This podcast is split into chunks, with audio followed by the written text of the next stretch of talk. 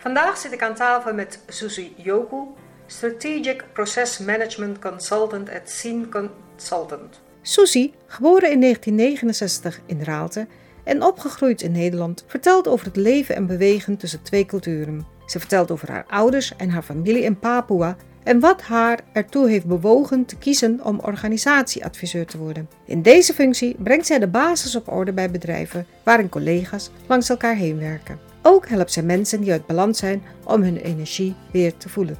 Mijn naam is Tina de Keizer.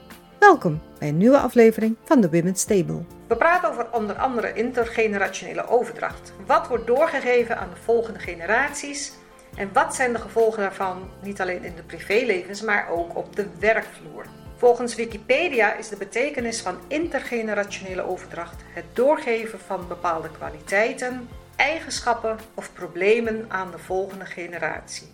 Susie, welkom. Dankjewel. Dankjewel dat je er bent vandaag. Nou, wat wordt doorgegeven van generatie op generatie? Ik heb wat verschillende dingen opgezocht op internet. Armoede, trauma, godsdienst, overtuigingen. Vrouwen zijn ondergeschikt aan de man. Vrouwen horen geen leidinggevende functies te hebben, niet te werken. Vrouwen horen niet in de politiek thuis. En vrouwen horen voor de kinderen te zorgen. Al andere overtuigingen die ik heb gevonden is: vrouwen zijn zorgzamer dan mannen. Vrouwen die geen vaste relaties hebben en maar met meerdere mannen naar bed gaan zijn snollen, sloeries, hoeren enzovoort. Excuus voor het taalgebruik. Mannen en vrouwen hebben nu eenmaal een ander brein. Mannen zijn nu eenmaal beter in bepaalde beroepen, vakken, zoals jongens en mannen zijn nu eenmaal beter in wiskunde enzovoort. alleen daarom al is het uh, gesprek met jou interessant, want jij bent een ICT-vrouw.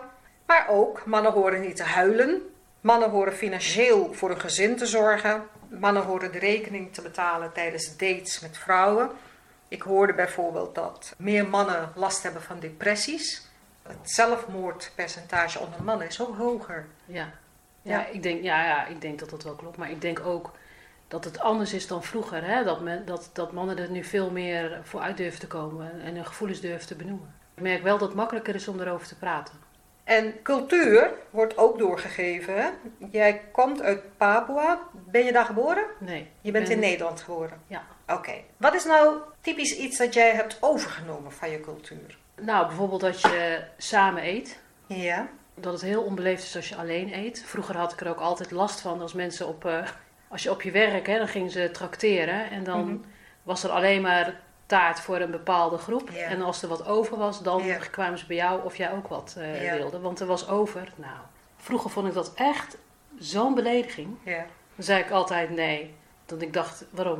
Het is gewoon, eh, anders gooi je het in de vuilnisbak. Ja. En als je het niet in de vuilnisbak gooit, dan kun je het nog aan mij geven. Nee. Ja. Dus ik was echt beledigd. En op een gegeven moment merkte ik ook van, ja nee, maar dat zijn ook gewoon mensen. Die zijn, dat zijn gewoon aardige mensen verder. Het is helemaal niks, eh, ik trok het me heel persoonlijk aan. Ja. Maar ehm, ja, dat is echt iets wat ik van thuis had meegekregen. Van, ja, je deelt gewoon met elkaar wat Ja. er is. Ja. Ook al eet iedereen er maar een klein stukje, dan is dat het. Ja. Ja. Ja, dat herken ik wel. Ik weet nog dat. eh, ik, ik kom zelf uit Suriname. Ik ben in Suriname geboren. En ik weet nog, ik was een jaar of 15, 16 en ik, ik had een Nederlands vriendje. Ik ging na school ging ik met hem mee naar huis, huiswerk maken. en we zaten op zijn kamer en ik geloof om half zes werd er op de deur geklopt van... Gaat je vriendin zo naar huis? Want we gaan zo eten. Ja, ook dat. Dat- En bij ons mocht altijd iedereen blijven eten, weet je? Dat, dat vond ik toch wel... eh, Ik heb dat één keer meegemaakt dat ik niet begreep ja, dat ik naar huis moest. ja, Dus ik dacht, nou, ik wacht wel. ja, En zij zaten gewoon binnen te eten. Achteraf denk je, heel raar dit allemaal. ja, ja, ja. Is er iets specifieks dat je ouders zelf aan jou hebben doorgegeven? Een bepaalde gewoonte, een bepaalde overtuiging? Ik denk wel dat mijn ouders, die zijn hier niet geboren. Mhm. Die, die kwamen hier alle twee op jonge leeftijd. Ze hebben elkaar hier leren kennen en hier een gezin gestart. Kijk, mijn vader die moest dan hier eh, als vader van een gezin, eh, zeg maar, eh, ja, iets, een gezin starten, een nieuw leven starten. Zonder de steun en de hulp van zijn familie in Papua. Dat heette toen nog Nederlands Nieuw-Guinea. En als ik daar nu kom en zie hoe hecht zij zijn met elkaar, Mhm. hoeveel zie je ook dat ja, zij hebben altijd elkaar gehad om gezinnen te stichten. Hè, om die, want dat is ook waar ze vandaan komen. Daar wonen ze al generaties lang. En dan zie je toch wel dat uh, ja, mijn vader die heeft hier gewoon zijn eigen weg moeten vinden. En dat was best wel lastig. Ja. Daar heeft hij het echt uh, wel moeilijk mee gehad. Ja. Om ja, ten eerste zichzelf zeg maar, hier neer te zetten. Mhm. Of ze, zich weer opnieuw te ontwikkelen in deze maatschappij. Zonder de steun van zijn broers en zijn zussen. Ja. En hoe zij allemaal hun kinderen hebben opgevoed. Ja. En als ik daar ben, daar pas ik zo naadloos in die groep. Daar is altijd een plekje voor me. Ja, daar pas ik gewoon heel goed. Ja. Ook qua mijn interesses, mijn werk en zo. Dat, daar zie ik heel veel overeenkomsten in mijn neef en mijn Ja. nichten daar. Ja. Wat ik heb meegekregen, vooral als het gaat over opleiding en werk, is Mhm. dat ik wel heel erg een kind ben van de kant van mijn vader. Mhm. Want daar zie je ook dat alle neven en nichten, die, eh, zijn zoveel mogelijk allemaal gaan studeren. En die zitten heel veel in de bestuurskant. Ik vind het zelf ook heel interessant. Voor mij gaat het meer richting bedrijfskunde. Qua werkveld ook zitten we heel erg aan dezelfde kant. En dat realiseerde ik me pas een paar jaar geleden hoor. Ja. Maar ook dat maakt dat ik daar heel goed pas. Ja. Wat kunnen de nadelen zijn van het doorgeven van cultuur of religie of overtuigingen? Ik, ik geloof namelijk ook dat vrouwen bijvoorbeeld weer overtuigingen doorgeven aan andere vrouwen, hè, aan hun dochters. En die geven het weer door aan hun dochters. En dat hoeven niet altijd de goede overtuigingen te zijn. Het kunnen de nadelen daarvan zijn, volgens jou. Na nadelen, ik denk gewoon moeilijk. Ik, denk meer moeilijkheden of moeilijk. Als je hier geboren bent, ten opzichte van als je hier niet geboren bent. Mhm.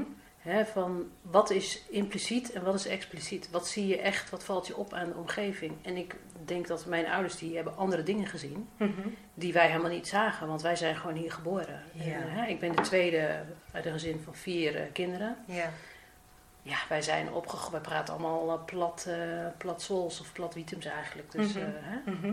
En er zijn dingen die ons niet opvallen, maar, maar hun wel. Het was ook een heel streng christelijk dorp. Dus we gingen naar zonneschool, we gingen naar de kerk. Ja.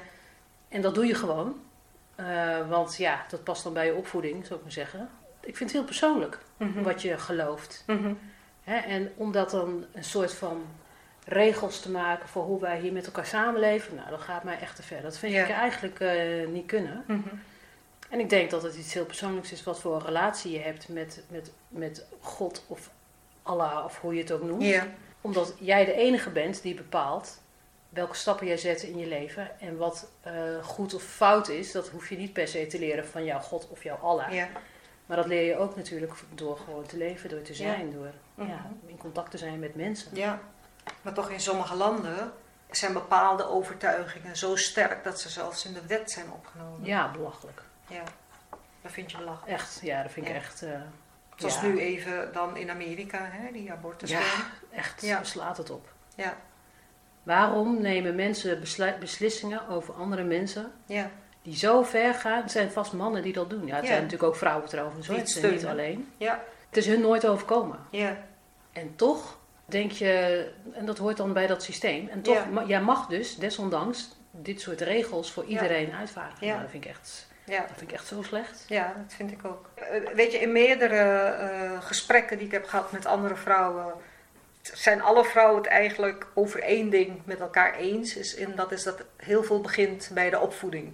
Ja, Eh, Welke als ouders, welke normen en waarden geef je door aan je kinderen? Welke overtuigingen, hè, cultuur, dingen. En ik had ook gelezen, mannen bijvoorbeeld, die in een progressief gezin opgroeien met een werkende moeder, met een moeder met een carrière, dat die later veel eerder geneigd zullen zijn om hun eigen vrouw aan te moedigen, te bemoedigen, aan te Mhm. sporen tot het hebben van een eigen carrière. En dat die later ook eerder geneigd zullen zijn om vrouwen binnen de organisatie te promoveren, te promoten, hè, te, een soort mentor te worden. Tegenover mannen die komen uit een conservatief gezin. Jij bent zelf Strategic Process Management Consultant en jouw slogan is stop met langs elkaar heen werken.nl. Ja. Ja. stap met langs elkaar heen te werken. Kun je heel even in het kort vertellen wat je precies doet? Ja, ik help eh, organisaties waarin mensen langs elkaar heen werken. Nou, daar kunnen heel veel Mhm. eh, mensen zich iets bij voorstellen. Eigenlijk om met elkaar te kijken naar wat vraagt die klant en wie doet nou wat in dat hele proces. Mhm. En dat kunnen alle processen zijn binnen de organisatie. Mhm. En wat ik doe is eigenlijk de mensen bij elkaar brengen en met elkaar kijken hoe loopt dit proces en waar kunnen we het verbeteren. Ja, Het gaat nooit over een persoon, het gaat altijd over het proces. ja, Het gaat altijd over samenwerken. Procesmanagement, dat is echt niks meer dan slim samenwerken. ja. Slim samenwerken. Ja. Ja. En als ik dan kijk naar wat ik net zei, hè, van de- de manier waarop je opgevoed wordt, heeft er schijnbaar mee te maken hoe je je later gedraagt binnen een organisatie. Ja, ik, ik heb een beetje moeite mee om dan te beginnen bij die man. Hè, van, nou ja, wat voor gezin kom je? Nou, dan zal je Mhm. wel zus of zo. Maar ik denk dat het voor iedereen geldt. Dat je ook moet nadenken bij jezelf. Wees daar eens, kijk daar eens naar van... Uit wat, voor, wat heb jij meegekregen wat jij doorgeeft aan je kinderen? Mhm. Want soms, ja, je, je ouders die doen het ook maar gewoon zoals zij denken dat het moet. Hè, en als je dat realiseert, dan kun je misschien beter zien van... Oké, zij hebben gedaan zoals zij denken dat het moest, wat vind ik zelf?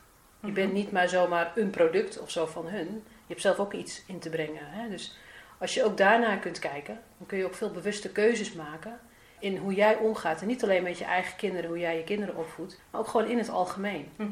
Eh, in onze cultuur, en er zijn meerdere culturen, misschien ook wel de Surinaamse, hè, waarin je eh, niet alleen eh, ouder bent van je eigen kinderen, maar eigenlijk ook van de kinderen van je zus Ja. en van je broers, dus Ja. je, die generatie, eh, heb je ook een groot aandeel in de opvoeding. Ja. Hè? En zoals jij ook bent opgevoed, niet alleen door je, door je eigen ouders, maar ook door je ooms en tantes en door je opa's en oma's. Daarin heb je denk ik ook een, een, ja, een voorbeeldrol om te geven. En dat, als jij niet heel bewust na gaat denken over hoe jij dat doet, ja, dan kun je denk ik ook niet een goed voorbeeld zijn. Je bent altijd een voorbeeld, ook als je het slechte voorbeeld geeft natuurlijk. Ja. Ik denk ook dat het gezin waar je uitkomt, dat is dan als je naar het systeem kijkt, hè, heel Mhm. systemisch bekijkt, neem je altijd dingen mee in je leven. Of je dat nou is bij de voetbalclub of op je werk. Mhm. Ja, je neemt jezelf mee. Met Mhm. alles hoe jij bent opgevoed en Mhm. waar je, hoe je, de stappen die je zelf hebt gezet, hoe jij jezelf hebt eh, ontwikkeld. Maar ik denk ook dat of die voetbalclub of dat werk helpt jou ook om weer kritisch naar jezelf te kijken. Ja. Van, eh, doe jij het goed? Voel jij je lekker? Voel jij je op je plek? Of gebeuren er dingen waarvan je denkt, hé, hey, dit klopt niet. Of hier moet ik mijn oordeel over vellen. Of ik ga me aanpassen. Of zij passen zich maar aan aan mij. Of, Mhm. nou ja, Mhm. dat kan van alles zijn. Ja. En en om even terug te komen op dat slechte voorbeeld wat- je Ja. net zei. Stel je nou voor dat je iemand hebt in een, in een team en iemand is heel, eh, heel star. En die zit heel erg vast in zijn eigen gedachten, in zijn eigen overtuigingen, normen, waarden. Die mist dat bewustzijn, hè? die bewustwording eigenlijk, waar je het net over hebt. Hoe ga je daarmee om dan? Ik ga in gesprek met die persoon. Ik ga ook eh, in gesprek met zijn leidinggevende, want er is een reden, als het gaat over het werk, hè, dus er is Ja. een reden dat er een proces loopt niet en die persoon die speelt een rol in dat proces. Ja.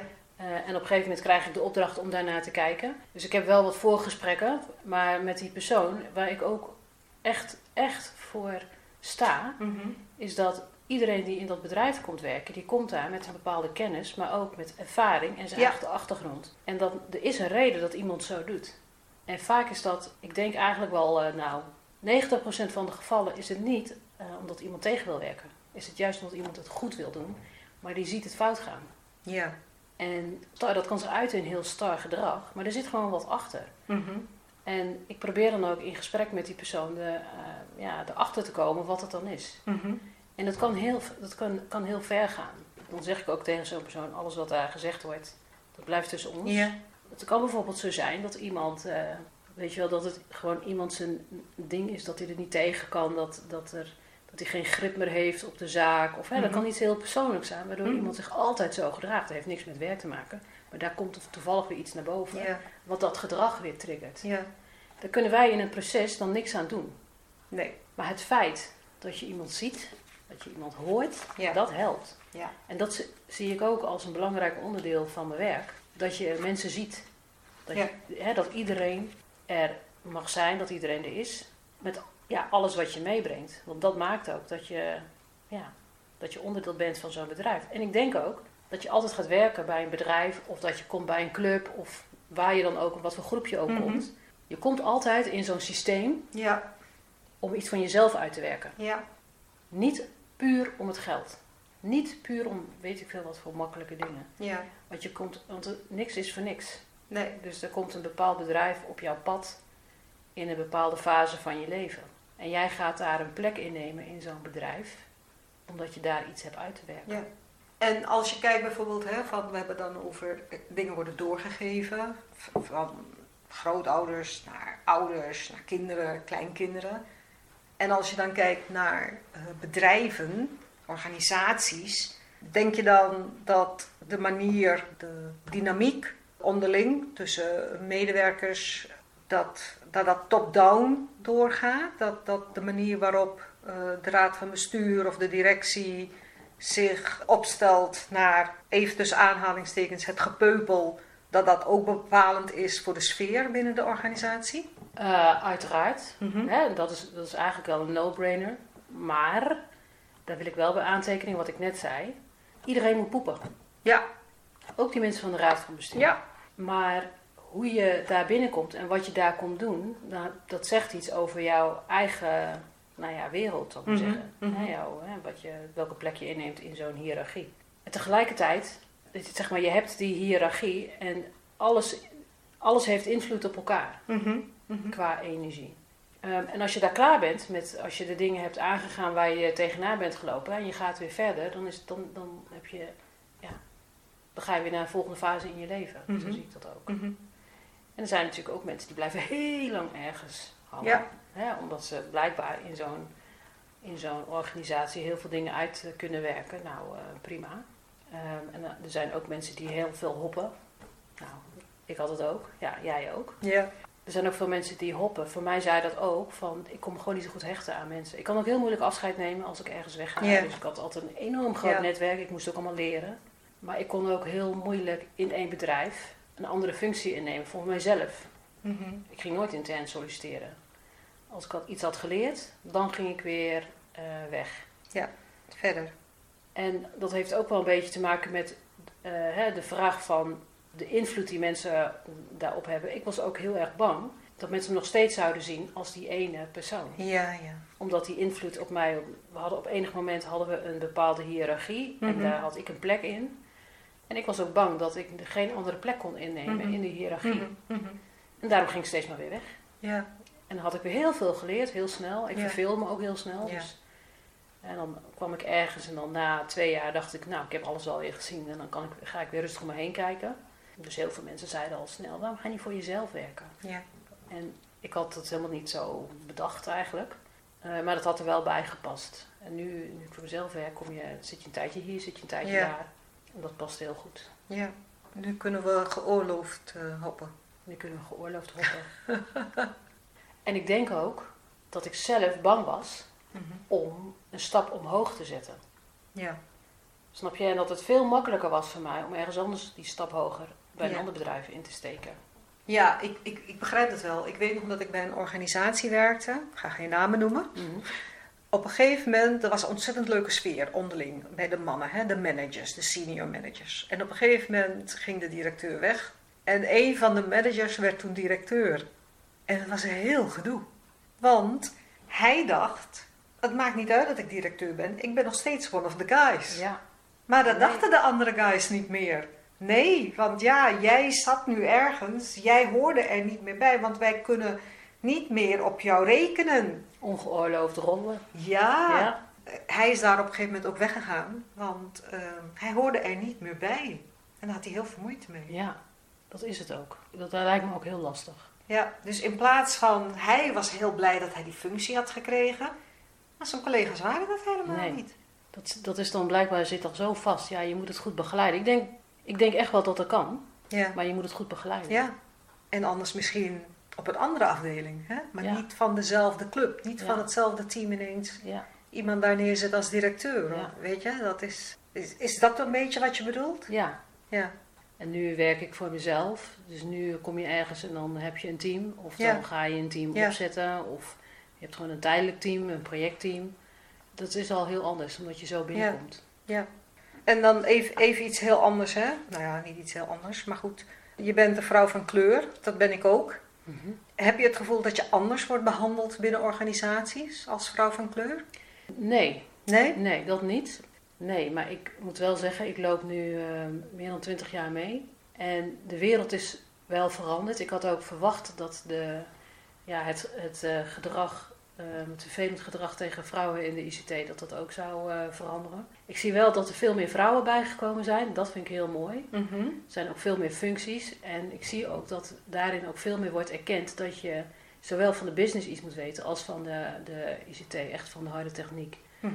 Ehm, en dat was vroeger veel minder. Nu is het veel, veel logischer dat je die twee kanten in je hebt. En het gaat hier ook vaak om hele complexe, tenminste in de trajecten waar ik dan eh, mee zit. Het gaat vaak om, ook om complexe implementaties en dan niet zozeer complex, technisch complex. Maar de combinatie tussen techniek en eh, wetgeving en de, de, hoe snel de politiek gaat. En eh, je moet de mensen in de organisatie meekrijgen. En dat maakt het complex. En daarvoor is ook nodig dat je veel van wat traditioneel mannen en, Mhm. of traditioneel vrouwelijke eigenschappen wordt genoemd. En dat zie ik wel echt, dat is nu veel belangrijker. Mhm. En vroeger was dat veel minder. Vroeger moest je gewoon, ja, weet je, als je een man had, was, dan was het dan makkelijker om in de ICT te komen. Om eh, one of the guys te zijn, dan wanneer je daar als vrouw in kwam. Ja. Want ik heb ook een, een podcast opgenomen met Chantal Schinkels. Mhm. Ik weet niet of je haar boek hebt gelezen. eh, Nee. Hoe overleef ik een door mannen gedomineerde werkvloer? Ook Nee. als eh, vrouw in de IT. En, eh, Nog niet, hè? Want- Die, ja, die laat wel eh, zien eigenlijk waar vrouwen tegenaan lopen in de IT-wereld. En herken je dat wel? Of- zeg je, ja, ik heb het niet meegemaakt? Ik heb het wel meegemaakt. Ik weet niet, ik heb haar boek nog niet gelezen, Nee. dus ik weet niet precies waar zij eh, Mhm. op doelt. En wat ik ook moet zeggen is dat na mijn universitaire studie heb ik een eh, technische studie gedaan, communicatiesystemen, eh, een, een, een hele brede ICT-opleiding was dat, deeltijd HBO. Ik werkte toen al voor een eh, ICT-bedrijf. Ik had toen in de opleiding heb ik ook een aantal dingen geleerd die ik nog nooit in mijn werk had gedaan. Bijvoorbeeld een database opzetten of programmeren of dat soort zaken. En ik wist ook van ja, ik ga dat toch nooit doen om mijn werk daarmee, eh, om mijn brood te verdienen. Maar het helpt wel als je zo'n opleiding doet om te snappen wat voor keuzes, wat, wat, die, wat die collega's van je eigenlijk allemaal aan het doen zijn. Mhm. Ik ben analist geweest, ontwerper, tester, aantal eh, functioneel beheerder. Hè, een aantal rollen Mhm. eh, in de ICT. En dat maakt ook dat ik die taal spreek. Mhm. Ehm, dat helpt. Maar wat ik, wat ik heel interessant vond, was dat je juist niet te veel de techniek in eh, wil. Dat wilde. Wat ik heel interessant vond, was om juist niet heel diep de techniek in te gaan. Mhm. Maar juist om te kijken hoe gebruiken mensen dat nou? Waar loop je dan tegenaan? Ja, ja. En toen ik daarmee begon, was er nog helemaal niet zo. eh, ja, er waren niet zoveel mensen die zich daarop focusten. Ik had zelf helemaal niet door dat, het zo, dat er niet zoveel mensen dat deden. Maar ik vond het heel interessant. Processen. Hoe werken mensen eigenlijk met elkaar samen? Ja, En hoe krijg je mensen in bedrijven nou zover ja. dat ze iets gebruiken waarvan jij denkt, nou, dit is echt heel tof. En mensen denken, nou, zout op met je, met je nieuwe, dat heb ik helemaal niet nodig. Ja. Want zo werkt het ook. En ik Ja. doe het al jaren zo. Ja, ja, ja. Nu merk ik dat dat, dat is nu ook mijn kracht. Hè? Dat, ik, dat ik op veel vlakken kan meepraten. Maar ik kijk ook naar hoe werken mensen slim samen. Mhm. Hoe kun je de, de link maken naar architectuur? Dus naar, naar de complete informatiehuishouding in een bedrijf. Er komt een nieuwe wet aan. Wat gaat dat dan betekenen voor dit hele bedrijf? Ja, En niet alleen op de techniek, maar ook voor de mensen. ja. Ja, dat is mijn eh, specialiteit geworden. Mhm. En ik val ook op, niet alleen doordat ik die link kan maken, beide talen spreek en vanuit het proceskant Mhm. praat, maar ook door mijn kleur, doordat Ja. ik vrouw ben, en doordat ik klein ben. Ja, val, val ik ook op. Mensen onthouden me ook, weten ook wie ik ben. Mhm.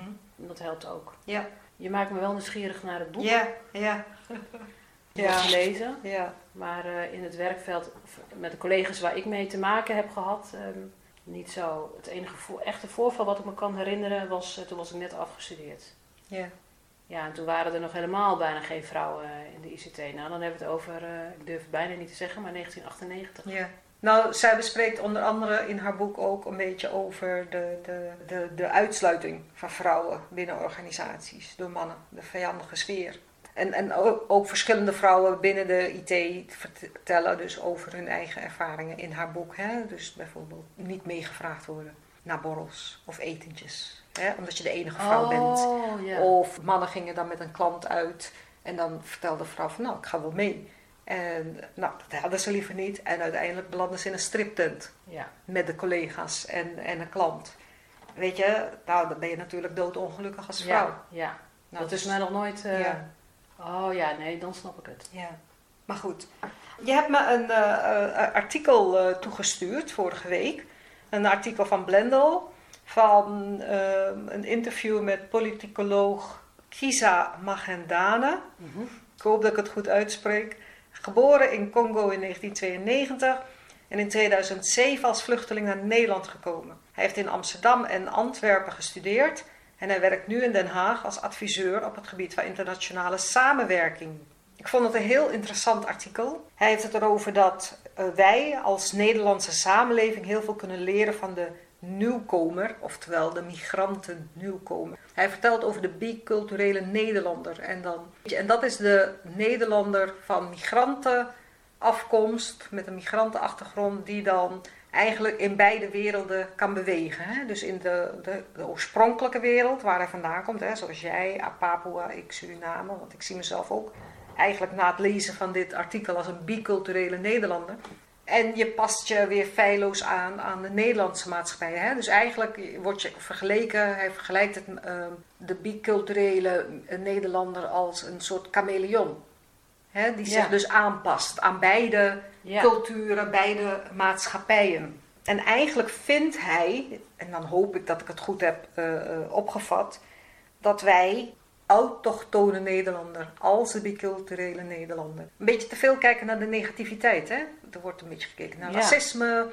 Hè? Jij past hier niet, en jij hoort hier niet, en jij bent een racist, en weet ik veel wat. Ja. Terwijl hij eigenlijk van mening is dat juist die chameleon heel veel kan brengen. Ja, ja, dat vond En ik eh, bijdragen. ja. ja, dat trof me ook in het artikel. Ja. Ik dacht ook van ja, dit is wat ik heel mooi vond, eh, wat mij ook wel raakte, was, kijk, ik vind eigenlijk ook dat je in bedrijven moet je vooral streven naar diversiteit, want dat komt de kwaliteit van je besturing te goede. Ja. Omdat je, als je besluiten neemt, moet je alle perspectieven gehad hebben. Want dan neem je pas kwalitatief goede besluiten. Nou, en hoe krijg je die? Door al die perspectieven ook in je bedrijf te hebben. En tegelijkertijd krijg ik altijd een beetje de kriebels van quota's. Want eh, Mhm. ja, ik, weet je, ik ben ook iemand, ik wil gewoon het, de best mogelijke oplossing neerzetten. Mhm. Ik wil winnen. Mhm. Dus ik wil met de beste mensen werken. En als dat betekent dat ik alleen maar vrouwen heb zoals ik zelf eruit zie of zoals ik zelf ben, ja, dan, dan ben je natuurlijk geneigd om dat te doen. Tegelijkertijd weet ik, nee, maar als ik in de long run ook goede besluiten wil nemen, moet ik zorgen dat ik een divers mogelijk team heb. Ja, Kijk naar die, wat ik heel mooi vond, die Sarina Wiegman. ja, Zij had een visie en zij weet ook van, ik heb gewoon een plan nodig en daar wil ik naartoe. En dat Mhm. betekent dat ik dus niet elf spitsen kan eh, hebben in mijn eh, elftal. Nee, nee. Eh, ook niet eh, elf eh, doelvrouwen. Nee. Mhm. Iedere positie doet ertoe, want je wil naar een bepaald doel toe.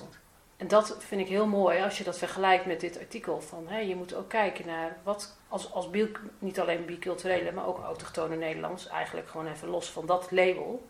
Heb je alle perspectieven aan tafel Mhm. om die goede besluiten te nemen? Mhm. En eh, misschien verschilt dat wel per bedrijf, wat voor product of dienst je ook eh, levert, zeg maar. Mhm. Maar heb je dan wel alle juiste nou ja, inzichten om je besluit te nemen? En niet dat je, ja, dat je besluiten neemt in jouw bedrijf en het kost je gewoon eh, ongelooflijk veel geld. En je klant is niet blij. En waarom niet? Ja, omdat je eigenlijk op basis van te weinig of te smalle informatie hebt bedacht, we gaan, we gaan die en die kant op. Ja. en de klant is niet blij. Ja, wat dan? ja, En dan denk ik, dat had je kunnen voorkomen. En ik denk ook dat het tussen met mannen en vrouwen is dat je daar een afgewogen, Mhm. dat het een evenwichtige samenstelling moet Ja. zijn. Je kan het aan de buitenkant niet zien, wat iedereen meebrengt. Nou, Mhm. je kan zien of het man of een vrouw is. Maar je kan ook wel zien of het van kleur is, ja of nee. ja, Ja, en dan nog, hè, ik bedoel, eh, als jij eh, drie hoogblonde witte eh, vrouwen daar hebt zitten, die kunnen ook alle perspectieven eh, in Ja. zich hebben. Dat weet je niet. nee, Dat weet je niet. nee, Zo oogt het niet, maar in feite weet je het niet. Maar Ja. ik denk, in die hele diversiteitsdiscussie ja, gaat het om het eindresultaat. Ja. Als je kijkt, nou, ook, dat is ook hoe ik mijn procesworkshops doe. Het is niet heel erg eh, van tevoren zo bedacht, maar er is een probleem in een organisatie. En mensen komen naar me toe met de vraag, Mhm. dit is het probleem en het loopt niet helemaal en eh, kun je hier wat mee? Nou, wat ik dan doe, is ik kijk naar het probleem in de organisatie. Wat is het effect op de klant? Dat wil ik weten. En welke processen zijn hierbij betrokken? En vervolgens ga ik met de mensen in die processen praten. En dan brengen we het huidige proces in kaart. En dan met alle mensen die, die een rol hebben in dat proces. Nou, niet alle mensen, maar zeg maar eentje per functie dan. En dan is de vraag eigenlijk van, hoe, hè, dit is de klant, dit is wat hij vraagt. En eh, nou, wie doet nou wat? Laten we nou eens kijken naar hoe dat in de huidige situatie verloopt. En alleen al dat gesprek hebben, ik stel heel vaak dezelfde vragen, maar ik luister heel goed. En dan proberen we ook om met elkaar in beeld te brengen, wat doe jij? En wat doet vervolgens degene na jou? Wat doet die dan? En heeft hij dan de juiste informatie van jou gekregen?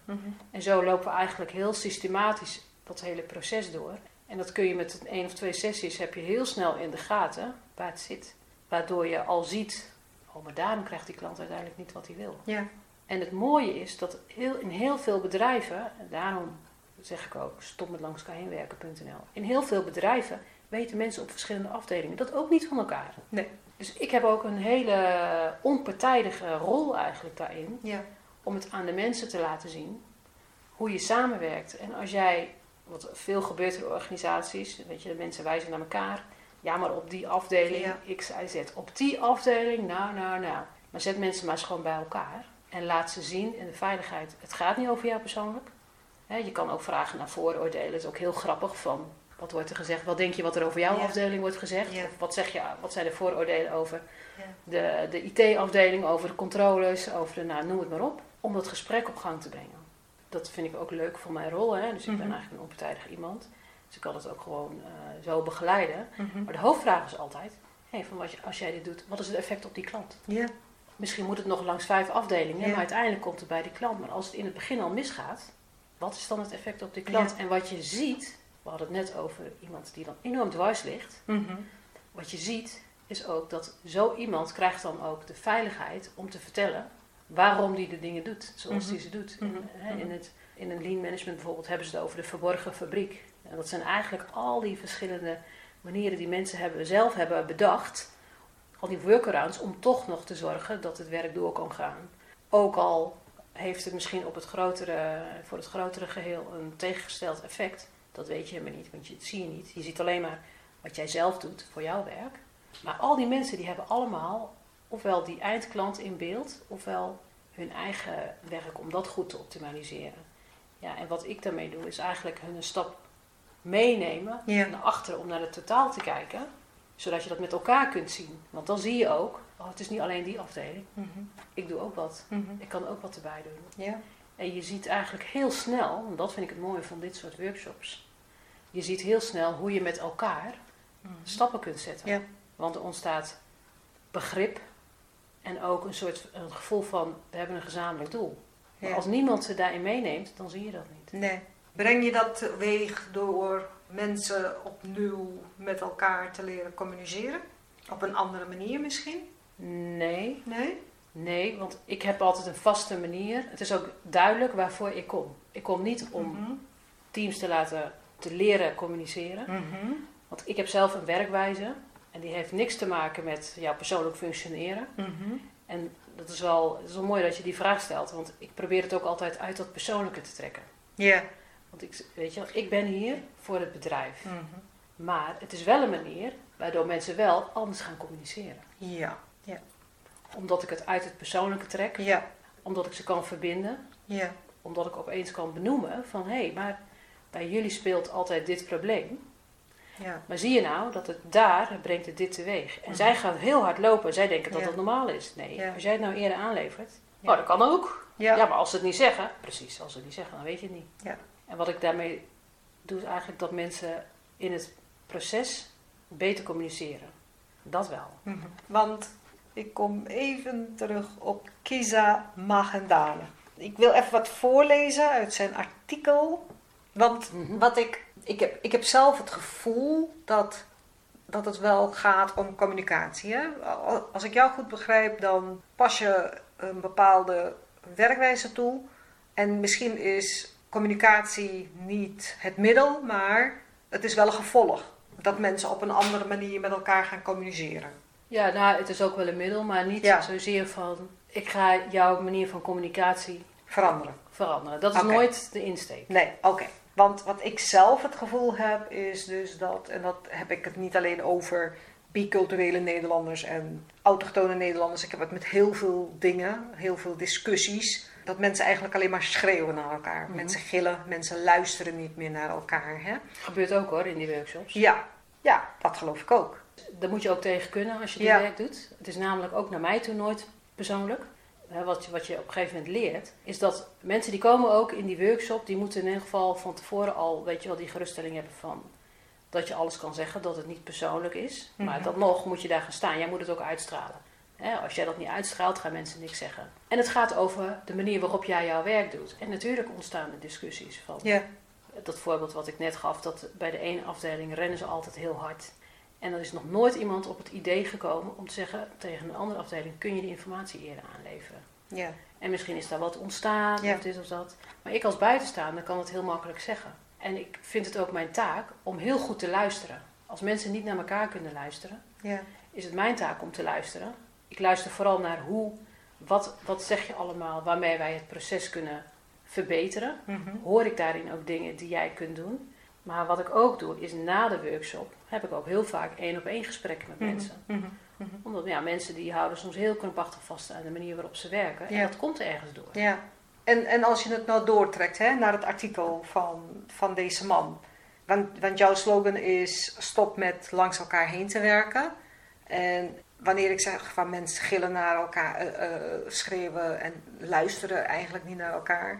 Dan zou ik eigenlijk willen, het willen omdraaien naar stop met langs el- elkaar heen te praten. Eh, Weet je, begin eens met naar elkaar te luisteren. Ik heb begrepen dat hij is aangevallen door biculturele Nederlanders. Hè? Want die vinden dat hij de, de kant kiest van de racist eigenlijk. Hè? Ja. Wat, wat ik zelf het gevoel heb, is dat, dat je, je komt uit een ander land. Ik ben dan in Suriname geboren. Je komt naar Nederland en er wordt van jou verwacht dat je integreert. Je moet je aanpassen. Waar helemaal niets mis mee is. Daar ben ik het helemaal mee eens. Alleen ik heb vaak het gevoel dat men ook nog, en als ik zeg men, dan heb ik het over de autochtone Nederlander, dat er niet alleen van je wordt verwacht dat je je aanpast en integreert, maar dat je ook een deel van je andere cultuur moet verlogenen. En ik zelf denk dat het daar misgaat. Ja, je moet je maar aanpassen. Ik had laatst een discussie op internet. Ik doe het echt niet meer hoor. Ik moet er echt mee ophouden. En, en er was een man. En, en het ging ook over, ik geloof dat over Zwarte Piet ging of weet ik veel wat. Maakt allemaal niet uit. Maar het had te maken met racisme. En toen zei eh, een man van, ja, eh, buitenlanders moeten zich maar aanpassen. En, en, en, eh, en ze moeten maar eh, eh, eh, zich gedragen. En toen zei ik, ja, maar hoe lang, hoe lang duurt dat proces? Ik zeg, want ik woon al meer dan 40 jaar in Nederland. En nog steeds heb ik het gevoel dat ik niet altijd en overal volledig ben geaccepteerd. Ja, maar dat is aan ons. Aan ons. Hè? dus het is al Oh. ons en jullie. Het is al ons en jullie. Ja, kijk, dan denk ik, ja, met jou ben ik uitgepraat. Met jou ga ik niet verder praten. En er zijn ook Nederlandse kennissen, collega's geweest, die zeggen van nee Tina, jij bent een Nederlander. Je komt uit Suriname. Suriname hoorde bij Nederland. Jij bent een Nederlander. Voor mij ben jij een Nederlander. Maar er zijn ook Nederlanders die zeggen, nou, nee hoor, jij bent een buitenlander. Gewoon in my face. Ja, oh ja. Ja, ik, ik denk zelf dat als je, je, als je gaat verwachten van mensen dat ze hun cultuur of hun afkomst moeten verloochenen, dan komt er een clash. Tenminste, dat is wat ik denk. ja. Want een, een stukje uit het artikel dat ik zelf een heel mooi stukje vond is: eh, wie zijn geboorteland verlaat, verliest per definitie een deel van zichzelf. Maar je kunt prima erkennen dat biculturele Nederlanders discriminatie ervaren en tegelijkertijd inzien dat ze meer dan veel autochtone Nederlanders het vermogen hebben om zich door diverse landen en culturen te bewegen. Zo kun je ook aanvaarden dat nieuwkomers het pijnlijk vinden dat ze hun geboorteland hebben verlaten. Ja, dus ik, ik, ik vraag me dan toch wel af van hoe, hoe kun je tot dat wederzijdse begrip komen? Van oké, jij komt uit een ander land, wij wonen hier. Hoe kunnen we op een goede manier het gesprek met elkaar aangaan, waardoor we ook gewoon op een goede manier met elkaar kunnen leven en zodat iedereen zich thuis voelt. Als je nu al kijkt naar die hele asielzoekerstoestand, hè, met oorlogsvluchtelingen, eh, vluchtelingen zijn ondankbaar. zitten jarenlang in de AZC. En dan op een gegeven moment ontploffen ze, worden ze crimineel. Het is allemaal niet zo raar. Als je zeven jaar in de AZC zit in een klein hok en je wordt als crimineel behandeld, vind ik het op een gegeven moment niet gek dat je, dat je op een gegeven moment agressief gedrag gaat vertonen. En je moet altijd maar dankbaar zijn. Je moet altijd maar dankbaar zijn. Ik, ik vraag me af van hoe kunnen we tot dat wederzijdse begrip komen? Van biculturele Nederlander naar autochtone Nederlander en terug, zonder dat we op een gegeven moment nog die termen gaan gebruiken en dat we allemaal Nederlanders zijn. Ja, ik heb daar niet een pasklaar antwoord op. Ja. Maar wat ik wel merk in hoe ik zelf in mijn werk zit en in de dingen die ik doe, Mhm. denk ik dat het helpt als je gezamenlijke doelen hebt. Mhm. Dus in dat werk is het gewoon een, bedrijfsdoel. Waarin je kijkt, eh, wat hebben we hier samen te doen met elkaar? Hoe werken we samen in de interne processen? Mhm. Maar ik denk ook dat het helpt als je uitspreekt wat die gezamenlijke doelen dan zijn. Ja. En niet alleen maar in je vanuit zo'n loopgravenoorlog een beetje Ja. te roepen naar elkaar. Ja. Om je gelijk te halen. Niet luisteren, maar gewoon dat. Want dat, is, dat, vind ik, dat vind ik zo vermoeiend. Ik ben Papua, de, de, de Nederlandse kolonie, of het voormalig Nederlands Nieuw-Guinea, is op een gegeven moment overgedragen aan de Indonesiërs. Heel vervelend. En tot op de dag van vandaag hebben de Papua's daar last van. Mhm. Eh, daar en eh, hier ook. Als het gaat over voormalig Nederlands Nieuw-Guinea en de Papua's, gaat het heel vaak over vroeger. Ja. Tempo Dulu. Ja. het bij ons. Ja. En ik denk, helemaal interessant, je moet weten waar je vandaan komt om vandaag stevig te staan. Maar Ja. ik wil ook naar de toekomst kijken. Ja. Wat heb je hier samen te doen met Ja. elkaar? Ja. En dat geldt eigenlijk voor alles. Maar anders blijf je in die slachtofferrol Ja. zitten. Ja. En dat is, ik kan daar zelf niet zo goed tegen, Nee. merk ik. Nee. Dus ik ga ook dat soort discussies een beetje eh, Ja. uit de weg. Ja. Ja, ik kijk ook gewoon graag naar waar Ja. staan we vandaag en waar Ja. willen we naartoe? Waar- Ja. Hoe maak je de wereld beter? Ja.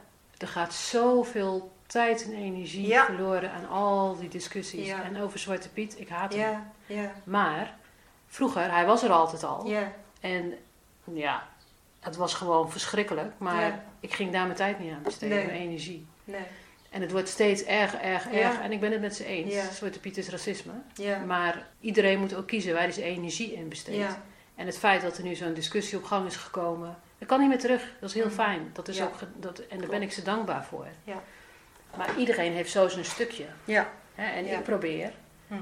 mensen te helpen in organisaties om daar Mhm. goed te luisteren naar elkaar. Om te kijken van, weet je wel, wat heb jij dan in dit bedrijf toe te voegen om te zorgen dat je goed met elkaar kunt samenwerken. Mhm. Mhm. Dat je goed bent voor die klant. Ja. Dat jij zelf blij bent met je baan, dat je leuk werk hebt, dat je naar huis gaat en dat je denkt, nou, ik heb weer een leuke dag gehad Ja. vandaag. Ja. Dat is ook. Ik heb ook nog een massagepraktijk Mhm. waar ik energetische massages geef, behandelingen. Daar help ik mensen één op één. Het gaat ook over dit, maar dan veel dieper. Dan natuurlijk gewoon één op één. Ja. Ja. Hoe kun je, kan ik jou helpen om zelf beter in balans te komen? Om, Mhm. gewoon, om je niet meer gek te laten maken. Ja. Om je energie goed Ja. te gebruiken. Ja. Ja. Om je niet te laten afleiden Mhm. door mensen die Mhm. van alles van jou willen, die van alles van jou vinden. Wat vind jij zelf? Waar zit jouw kracht? Dat breng je naar, aan de, naar de tafel. Om, Ja. om, ja, Ja. om je leven te leiden, om je stappen Ja. te zetten. Ja. Denk je dat, dan ga ik nog een stapje verder. Denk je dat het bijvoorbeeld ook be- begint met elkaar samenleven, hè? Dus, dus als maatschappij? Dat het ook begint in de politiek, met onze leiders, met onze politieke leiders? Nee. Nee? Ik denk dat dat, dat, dat ouderwets is. Ja? Dat denk ik. Door, door hoe de maatschappij nu verandert. Mhm. Als je me die vraag tien jaar geleden had gesteld, had ik misschien nog wel ja gezegd. Nou, Of ook misschien niet, maar nu zeker niet. Nee? Ik denk dat, je, dat het niet daar begint. Ik denk dat het in de maatschappij begint. Mhm. En ook daar heb je dat hele jachtige van op zoek naar stemmen. Heel kortzichtig. Ja. Dus als ze daarvan afgaan, dan kun je veel beter het goede voorbeeld geven. Nu kunnen ze dat niet. Mhm. Nu zijn mensen, een hele maatschappij hoor. Dus mensen zijn allemaal bang om zich uit te spreken. Ja? En, want anders dan word je gelijk, gaat je kop eraf. Ja. Het is wel aan de politiek om het goede voorbeeld te geven. Maar ik denk dat ze dat nu nog niet kunnen. Dat, Nee. dat bedoel ik meer te Ja. zeggen. Ja. Hè, van mensen met eh, op eh, eh, zichtbare posities. Mhm. Hè, want dat zijn natuurlijk ook een soort van influencers. En het zijn alle mensen die zich, nou Ja. ja, hè, die in de Mhm. picture zijn. Mhm. Mhm. Die moeten zich kunnen uitspreken. Zonder dat hun kop eraf gaat. Ja. Of zonder dat ze allerlei haat over zich heen krijgen. En ik denk ook dat je, dat je dan pas ja, het goede voorbeeld kunt geven. En dingen door kunt geven aan de volgende generatie. En ik denk ook dat het vooral begint bij jezelf. Ja. Maar als je bijvoorbeeld kijkt naar. Ik ga even naar Amerika. Hè? Mhm. Eh, in 2008 verloor John McCain de verkiezingen van Barack Obama. En hij kwam om zijn, eh, hoe zeg je dat? Zijn, zijn verliesspeech, je hebt er een speciale naam voor, te houden. En hij, ik, ik heb het gezien en hij kwam op en hij begon met: Ik wil president Obama feliciteren. En het publiek begon te scanderen en weet ik wat. En hij had zoiets van: Nee.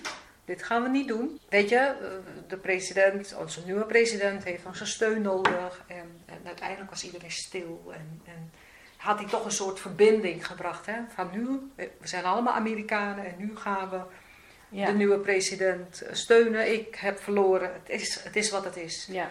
Eh, en dat, dat is eigenlijk een beetje wat ik bedoel hè, met politieke voorbeelden. Hè? Begint Ja. het daar. ja. En als je dan kijkt naar ja, de verkiezingen van 2020 en de bestorming van het Capitool op 6 januari en een do- ene Donald Trump die weigerde toe te geven dat hij verloren had.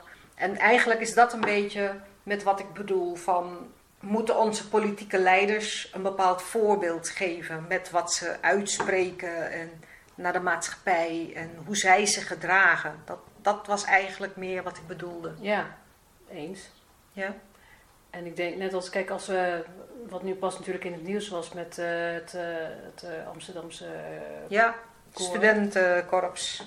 Wat ik nu gewoon mis, is dat mensen die in de picture staan, zich uitspreken. Ja, Oud-koorleden.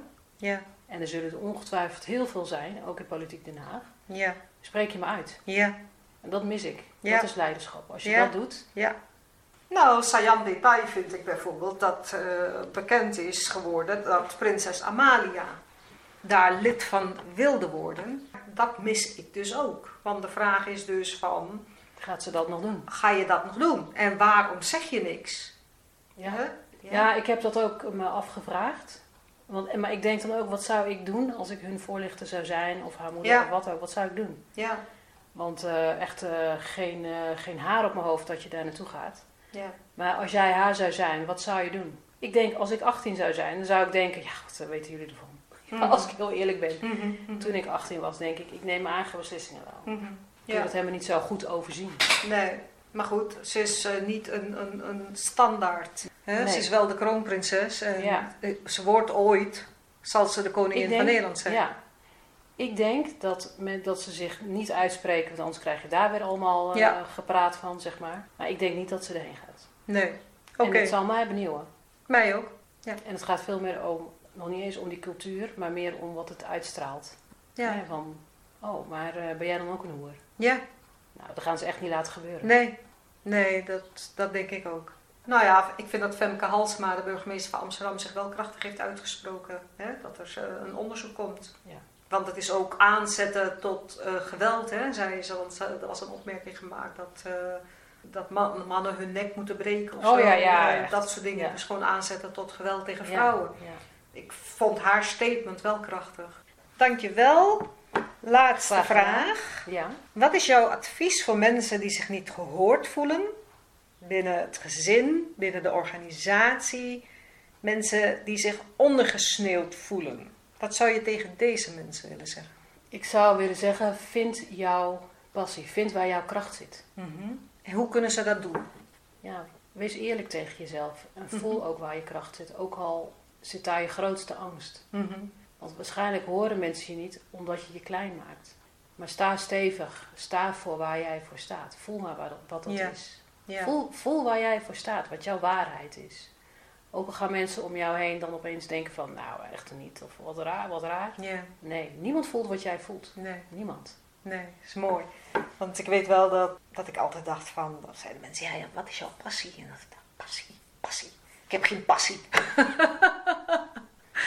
ja, jawel, je hebt wel een passie. Nee, heb ik niet. Niet iedereen heeft een passie. Hè? Wat een onzin. maar dat heb je dus wel. Ja, ja. Je moet hem alleen even Zeker. ontdekken. Hij zit ergens. Hij zit er, hij Ja. zit er echt. Ja, En het is waar jij voor gaat. Het Ja. is de manier waarop je altijd je problemen oplost. ja, Het is de oplossing die je aan anderen geeft. Kijk ook naar alles wat je tegen anderen zegt. Kijk ook eens van, is dat echt iets voor anderen of zegt het ook iets over jezelf? ja, En waar word je blij van? Waar krijg Waar je energie van? Ja. Wat geef je door aan anderen? Wat vind je mooi? Wat bewonder je aan anderen? Ja. Kijk eens naar jezelf. Is dat ook iets wat je eigenlijk zelf ook hebt? Is dat iets waardoor je, waarvoor je zelf bewonderd wil worden? Mhm, mhm. Want vaak als je het zo zegt, hè, dat je Mhm. iets heel erg mooi vindt aan een ander, misschien zit dat ook wel in jezelf, maar Ja. durf je het nog niet te erkennen. Daar zit jouw kracht. Daar zit jouw kracht. Dus voel dat en ga daarmee aan de slag. Mooi, mooi. Dankjewel. Graag gedaan. Dankjewel Suzy voor dit leuke gesprek. Dat je je persoonlijke mening en verhaal met ons hebt gedeeld.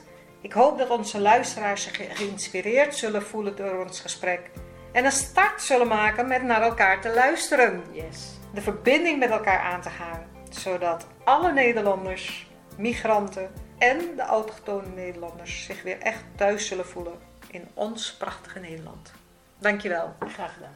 Dankjewel, Suzy, voor dit openhartige gesprek waarin je veel persoonlijke verhalen hebt verteld over je jeugd en over je werk. In de volgende aflevering praat ik met een duo en hebben we ook een man aan tafel. Iman Algatman en Charles Ruffalo.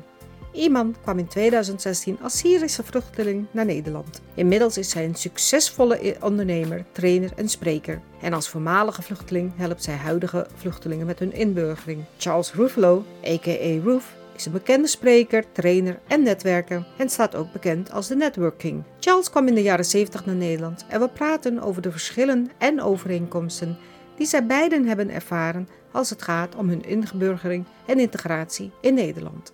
Iedereen bedankt weer voor het luisteren. Mijn naam is Tina de Keizer en dit is de Women's Table.